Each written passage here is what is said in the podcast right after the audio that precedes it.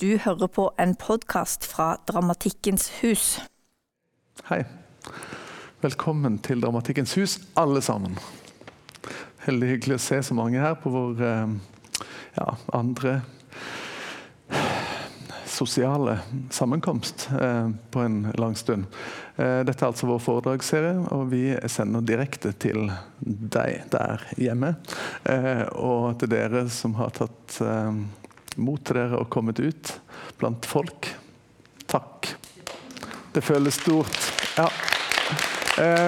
Så vi lar den applausen bare gli videre i retning Karen Røise Kielland, som har vært så elskverdig og storsinnet og tatt turen ned fra berget holdt på å si, for å snakke om hva hun har sett der. Velkommen.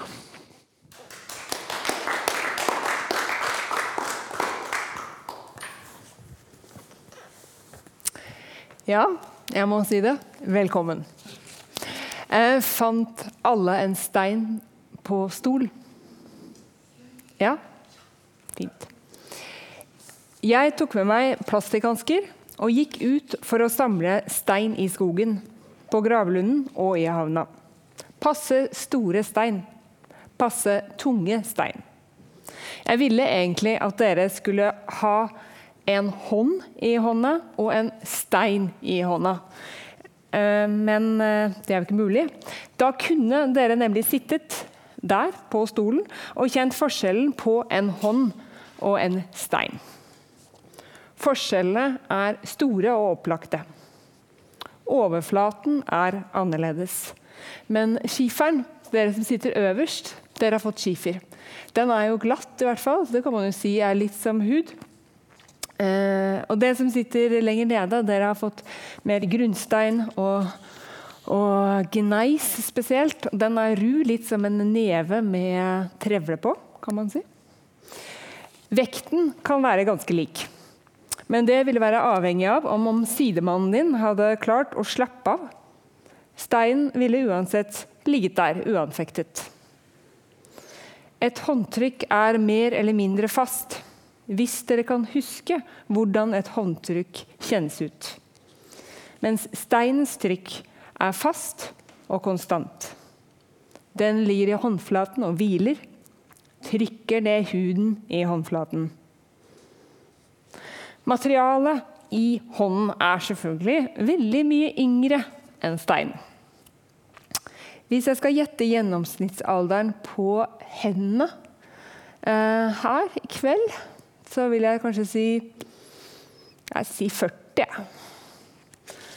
Mens eh, steinen, altså gjennomsnittsalderen på steinen dere har i hendene, er 500 millioner år.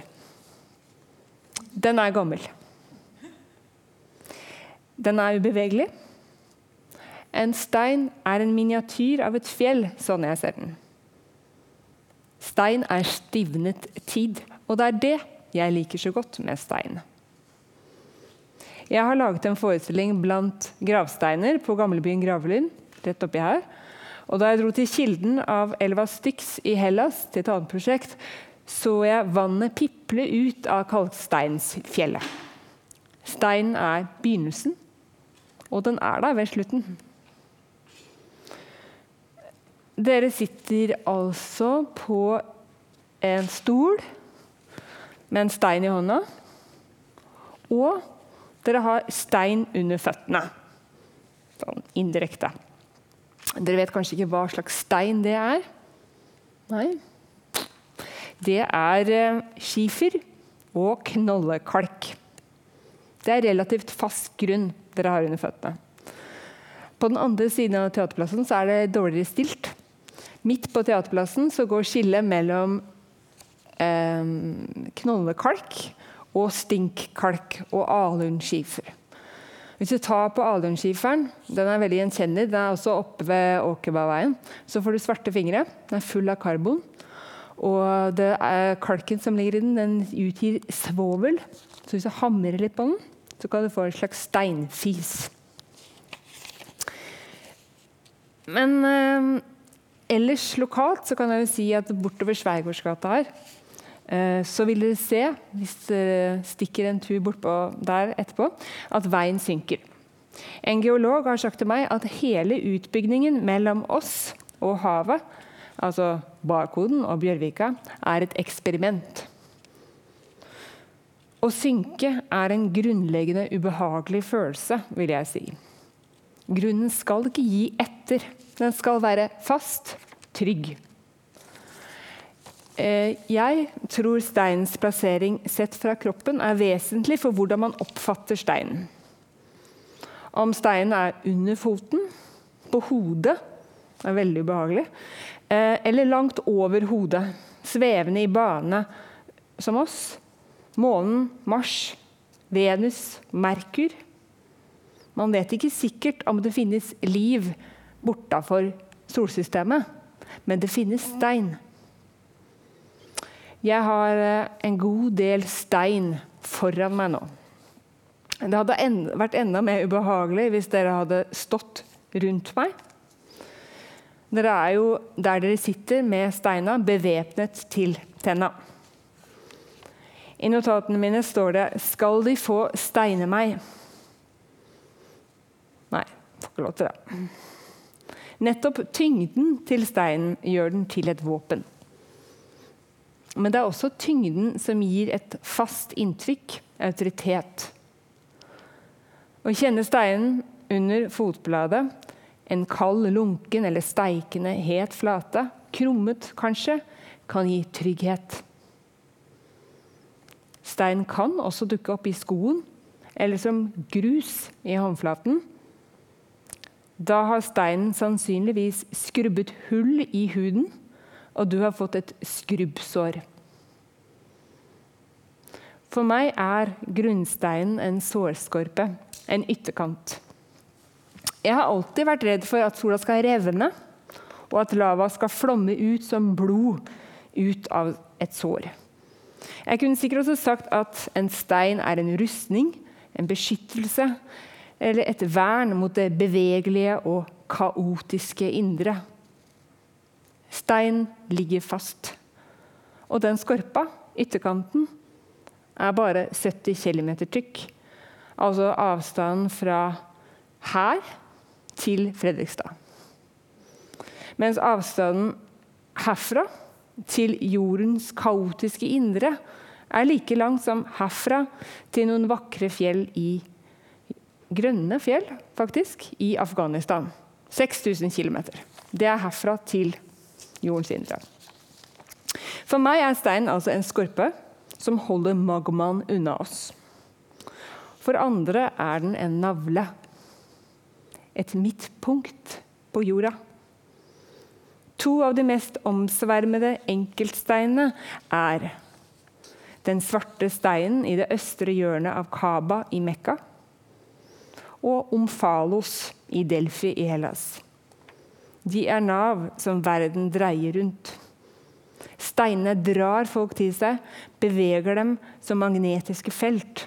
Og en form for, form for steindyrkelse oppstår rundt disse navlene. I et menneskes livstid, mitt f.eks., vil stein se rolige ut. Stein er ubevegelige, bortsett fra mannen. Mer om ham siden. Og stein er trygge å gå på. Å forflytte seg over steinskorper, svaberg, røys, ur eller rett og slett buede overflater, det er ikke noe man er født med, selv om fotbladene er fleksible. Jeg kan det fordi jeg har gått mye på stein som barn. Og jeg har sett på stein. Fjell og helleristninger. Jeg husker at jeg sto andektig og så på noen helleristninger som barn like ved Dokka Brødsmulene lå som grus i munnen. Vi hadde nettopp rastet. Pappa var begeistret. Jeg var mer andektig overfor pappas begeistring enn overfor stripene som var blitt risset inn i steinen for 5000 år siden. Nå, som voksen, så kan jeg faktisk sitte ved helleristningene på Ekeberg oppi her og se ned trakten. Den smale dalen rett nedenfor sjømannsskolen og se for meg at havet var 100 meter unna. at det lukta salt for 5000 år siden. Bukta var lun. De hørte havet slå mens de arbeidet i steinen. Tvang sin egen eksistens inn i steina, så vi, fire eller 5000 år senere, kan se dyrene de jakta på. Helleristningene på Ekeberg er gått i dvale. De ligger under presenningen på ubestemt tid for å beskytte dem mot regn og snø, eller mot noen fra vår tid som rasper i steina. Jeg personlig har ikke satt spor i stein eller med stein som kan vare over tid. Postmannen, en fransk postmann, som bygget Palace Ideal, eller Palais Ideal, vil man kanskje si på fransk. Han bygget palasset med stein. Han var 43 år gammel da han begynte å samle stein på postruta si i Frankrike. Han samla hver eneste stein. Han begynte å gå postruta si med trillebår. Og han var 43 år gammel, like gammel som meg, mer eller mindre. Jeg er ikke mer eller mindre fire milliarder år gammel. Jorda er mer eller mindre fire milliarder år gammel. Grunnfjellet er mer eller mindre 1500 millioner år gammelt. Den type tid som nærmer seg det uendelige, er gripende, synes jeg. Den svarte steinen i det østre hjørnet av Kaba i Mekka er et symbol på evigheten, en form for Guds enhet.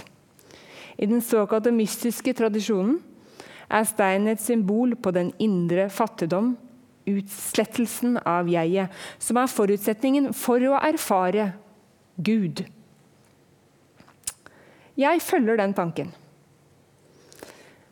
Det er jo nettopp fjell og stein som så vidt kan gi meg et glimt av det sublime fordi jeg føler meg liten og stor på samme tid i møte med den.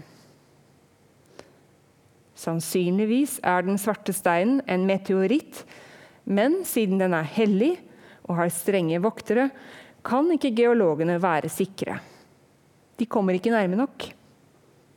Men meteorittteorien passer til den såkalte islamske tradisjonen rundt steinen. Steinen er av himmelsk opprinnelse. Engelen Gabriel kom med den. Adam passet på den.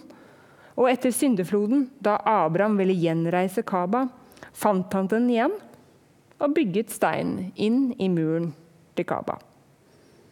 Siden det har pilegrimer gått i ring rundt Kaba, kysset og tatt på steinen. Den er ingen enhet lenger. Den har gitt etter for alle berøringene og løst seg opp i åtte fragmenter som blir holdt sammen av en ramme av sølv som ligner litt på en navle. Altså. Alt ettersom hva slags navle du har. Er den et hull? en forsenkning i magen eller eh, en kul. Omfalos er en sånn kul. Det er også en verdensnavle. Den var verdensnavle ifølge grekerne og ligger i Delfi. Den hadde også en god vokter. Slangen Pyton. Før steinen endte i Delfi, spilte den en viktig rolle i et drama mellom far og sønn.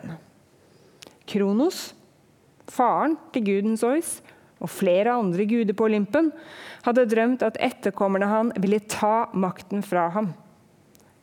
Så, hver gang kona Rea fødte ham en etterkommer, rev han det til seg og slukte ungene hele. Da Zeus ble født, ga Rea Kronos en stein, tullet inn i et tøystykke og ga steinen til Kronos. Han trodde steinen var en sønn, og slukte steinen hel. Sois overlevde, nedkjempet, nedkjempet faren sammen med søsknene sine, som han tvang faren til å spy opp. Så spyttet han ut steinen, den steina der. Og den steina landet i Delfi. Jeg så den der, i museet. Om Falos. Fast og bløtt kan ikke ha vært noe Kronos reflekterte over. Han hadde dårlig tid. Han var drevet av frykt for å miste makt. Spedbarn eller stein, samme det. For meg er fast eller bløtt eller sørpete vesentlig når jeg spiser, men også når jeg står eller sitter på et underlag. Jeg har selv flyttet for å få fast grunn under føttene. Fjell, ikke påler eller flåter. Det var målet da jeg flyttet fra Amsterdam til Oslo.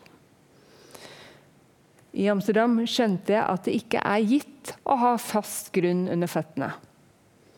Der har man gjørme og flåter under føttene. Sand er overalt. Men norsk skog og fjell er til stede i Nederland. I Rotterdam sto jeg på havna der, på norsk pukk. Det var da bilder av halve fjell dukket opp. Mange av dem ligger på Vestlandet. Jeg vet ikke om dere har sett dem. Det er sånne halve fjell hvor fasaden er intakt, men så baksiden er liksom spist opp av steinverk.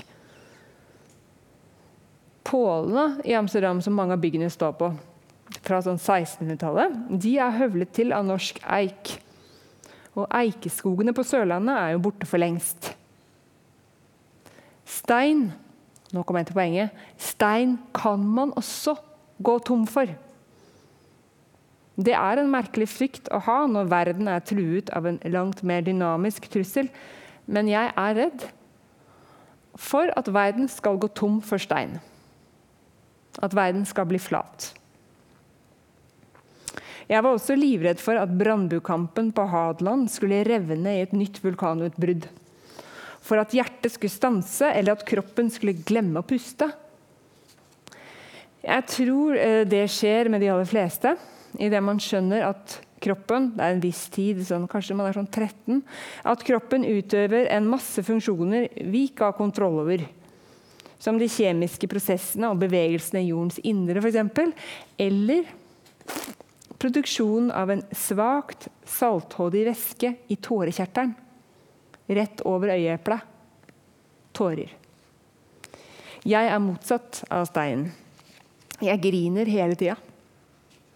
Da jeg fremdeles bodde på Sand og Påler i Amsterdam, var jeg på turné til Helsinki, og på fridagen svømte jeg inn i et basseng sprengt inn i et fjell. Utenfor fant jeg et svaberg som jeg sto på. Eh, og der, på svaberget, begynte jeg å gråte. Kollegaen min ble forbauset over dramaet som utspilte seg på steinen. Hun var rett og slett ikke forberedt. At folk gråter ved og foran en stein, det er liksom et vanlig bilde. Man ser jo det på gravlunder.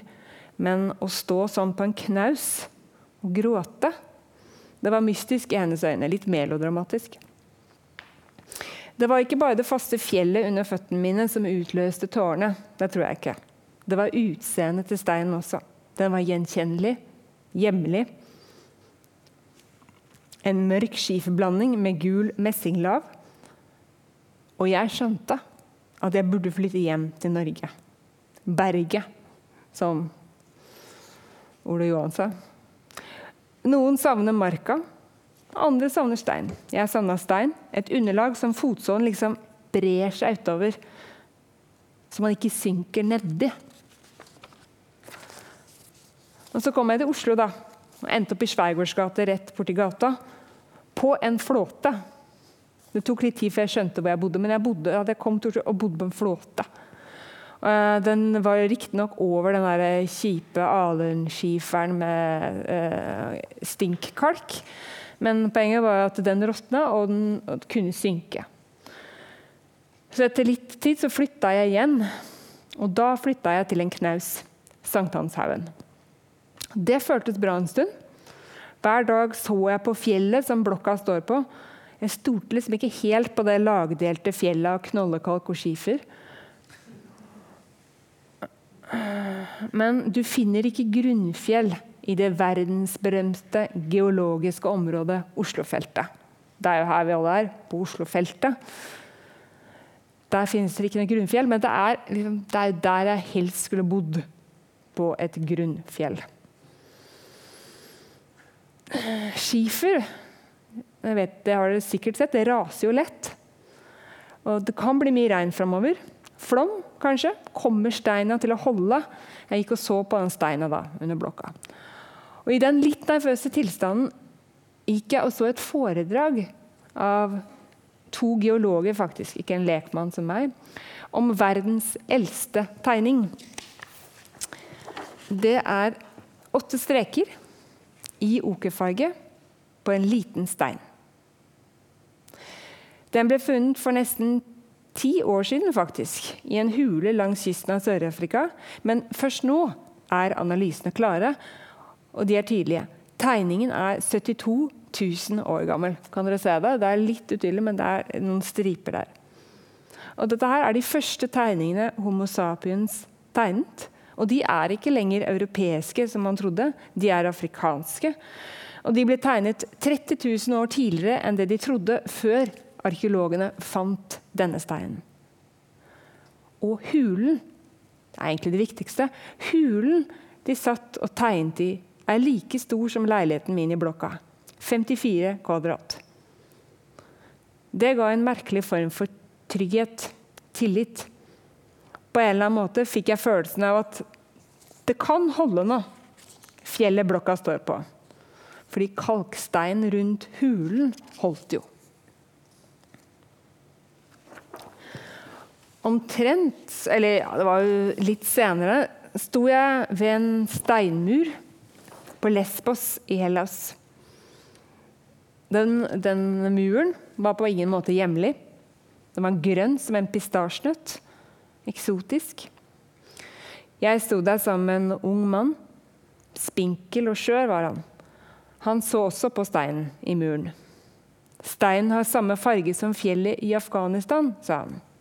Han fikk tårer i øynene. Han var tvunget til å forlate fjellene sine i Afghanistan. Jeg måtte se opp på himmelen og ned i bakken for å skjule at jeg også fikk tårer i øynene. Jeg plukket opp mobilen også. Surfet på Dagbladets nettsider for å finne en absurd overskrift som kanskje kunne distrahere meg. For jeg syntes det var flaut å stå der og gråte. Det var 2018. Overskriftene kunne vært Mannen rører på seg igjen. Mannen er i bevegelse. Mannen beveger seg raskere. Mannen har ikke beveget på seg de, 24, ne, de siste 24 timene. Mannen rører på seg igjen. Som et moderne troll folk frykter, sto mannen der. Et monster som beveget seg lite, fryktelig langsomt, men som alle så på fordi de visste at det kom til å gjøre en brå og muligens dødbringende bevegelse. Geologene var iherdige riddere, sendt ut for å stagge dragen på vegne av kongen, staten. Det kan ha vært de overskriftene jeg leste på Lesbos. De distraherte meg i hvert fall. Jeg sluttet å gråte der ved steinmuren. Men stein beveger folk. Og selv den stoiske steinen gråter. Etter Balders død er de norrøne gudene fortvilte. Snorre skriver sitat nå sendte esene bud for å be om at alle skulle gråte så ballet kom ut fra Hel. Og det gjorde alle. Mennesker og dyr og jord og stein og tre og alle slags malm. Sitat slutt. Jeg har likt bildet av at alle sørger. At også steinen er beveget. Den er jo vanligvis ubevegelig og passiv sett med menneskeøyne. Da jeg lette fram historien i Snorre, Snorres Edda, ble jeg nesten litt skuffet. Han forklarer hvordan det kan ha seg at alt materialet kan ta til tårene. Sitat. Slik som du vel har sett at disse tingene gråter når du kommer fra kulden inn i varmen. Sitat slutt. Så rimet smeltet. Sånn har Snorre tenkt at det var hold i historien om den følelsesladede steinen. En gang satt jeg på en stein og burde vært følelsesladet. Jeg så Medea på teatret i Epidaurus i Hellas. Jeg gråt ikke. Jeg satt på en steinbenk og tenkte stein. Oftere enn jeg følte noe eller tenkte blod eller hevn. Ordet pute har publikum sannsynligvis tenkt sittende på de benkene i det amfiet for 2420 år siden. Bortsett fra dem som tenkte på å ta med seg noe bløtt. At steinen er kjølig på kvelden, er bare deilig. Så det var ikke kaldt jeg tenkte, men hardt. Jeg satt på en stein og så teater. Regissøren het Peter Stein, viste det seg etterpå. Jeg kunne også sittet på en stein i Fjæreheia ved Grimstad og sett på teater. Der har de også et kunstig amfi, langt yngre, etter et steinbrudd fra 1940-tallet. Egentlig Egentlig skulle de granittblokkene seiles til Tyskland og blir byggesteinene i Albert Speers Hitlers arkitekt, megalomane seiersmonumenter. Men krigslykken sluttet i 1942. Lenge sto to granittblokker i Tiergarten. To materialprøver. En i grått, en i rosa. Ikke langt fra Speers kontor. Jeg skulle gjerne ha sett dem.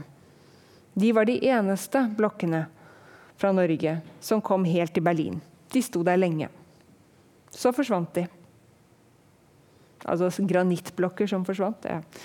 Blokkene som ble i Norge og var del av forestillingen, eller bestillingen, endte under den sørlandske hovedvei, og noen ble bygd inn i kunstner Bård Breiviks mur i fengselsparken rett her borte.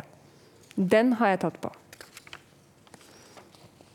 Verden er jo full av konstruksjoner i stein. De varer.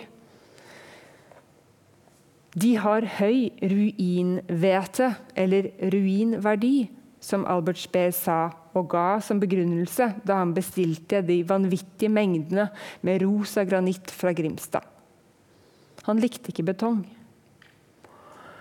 En steinkonstruksjon som har gjort stort inntrykk på meg pga. Eh, historien, fargen, men også den enorme forflytningen den har foretatt, er Ishtar-porten. Eller Babylons porter. Den er fryktelig gammel. Den ble bygget rundt 600 år før vår tid og fikk den tvilsomme æren av å bli en ruin. Og så bli fratatt ruinverdien sin. Tyske arkeologer oppdaget nemlig porten på 1800-tallet under mengder med sand fra Eufrat i dagens Irak. De tok porten fra hverandre, fraktet steinblokkene med båt og rekonstruerte porten i Berlin. Det tok tid. De fant den, altså porten i Irak, i 1899. Rekonstruksjonen var først klar i 1930, og siden det har publikum kunnet se den i Pergamon-museet. Jeg så den der i 2011. Kanskje, kanskje Albert Spee så den der også, i 1930, og fikk noen ideer. Monumental er den i hvert fall, og blå. Fargen er kanskje det som gjør sterkest inntrykk når man står foran den. Porten er nemlig delvis bygget av lapis lazuli, eller lasurstein, sannsynligvis hugget ut av fjellene i Afghanistan. De eldste gruvene ligger i de fjellene. Lapis lazuli er ikke bare vakker. Men handelen med nettopp den steinen gjorde at mesopotanerne oppfant kileskriften. Verdens eldste skriftspråk. For å, holde, for å holde orden med kjøp og salg og tjuveri av den verdifulle steinen. Det var ingen annen stein enn den babylonerne ville ha. Da jeg var barn, stjal jeg stein fra naboen Inga, en gammel dame. Jeg lå, ba, jeg lå bak busker og kastet meg over dem som bytte. De var pyntestein, og en av dem kan ha vært lapis azuli. En av dem var det. Det visste jeg ikke da. Jeg likte bare å ha steinen i hånden. Jeg kastet, kastet ikke stein på noen, til slutt la jeg den fra meg der jeg hadde funnet den. Senere i fjellet har jeg plukket stein og lagt den fra meg i en varde for å bygge et fjell på fjellet som viser vei for andre. Vardene er annerledes enn steintavle Moses fant på fjellet. Budskapet til vardene er mye enklere. Denne veien, sier de. Steintavlene med de ti bud er pratsomme, indirekte og forklarer hvor man ikke skal hen i livet. Å kaste stein på noen kan av og til tolkes som feil vei. Og det er farlig. Det kan være politisk motivert. Eller en lengsel etter spenning og underholdning, som i 'Life of Brian' av Monty Python. I deres univers er steining underholdning og voldelig, på linje med gladiatorkamper. Før jeg så scenen i Life of Brian, hadde jeg aldri tenkt på underholdningsverdien av å steine. Men det må gi en form for katarsis av noe slag. Et utløp for et innbilt moralsk overtak. Kvinner får ikke lov til å steine i den filmen. Jeg vet ikke om dere har sett den scenen, men de, altså kvinnene, vil steine. Utenfor området der steiningen skal foregå, er det derfor stor handel med løsskjegg. Bod etter bod selger skjegg. Og kvinnene tar på seg skjegget, legger toneleien ned eh, et hakk eller to for å få lov til å være med på denne underholdningen. Eh, jeg vet ikke om dere kjenner på noe lyst til å hive steinen i min retning der dere sitter, men jeg tviler på det. Mm. Dere har jo tilgang på andre, nyere typer underholdning, digitale saker. Helt ufarlig for andre og helt uten stein. Men dere kan velge nå om dere vil kaste stein, rommeporfyr, gneis eller skifer inn på scenen. Eller om dere vil legge dere fra dere steinen i en varde her, f.eks. Eller bare ta en plakat. Takk. Bra!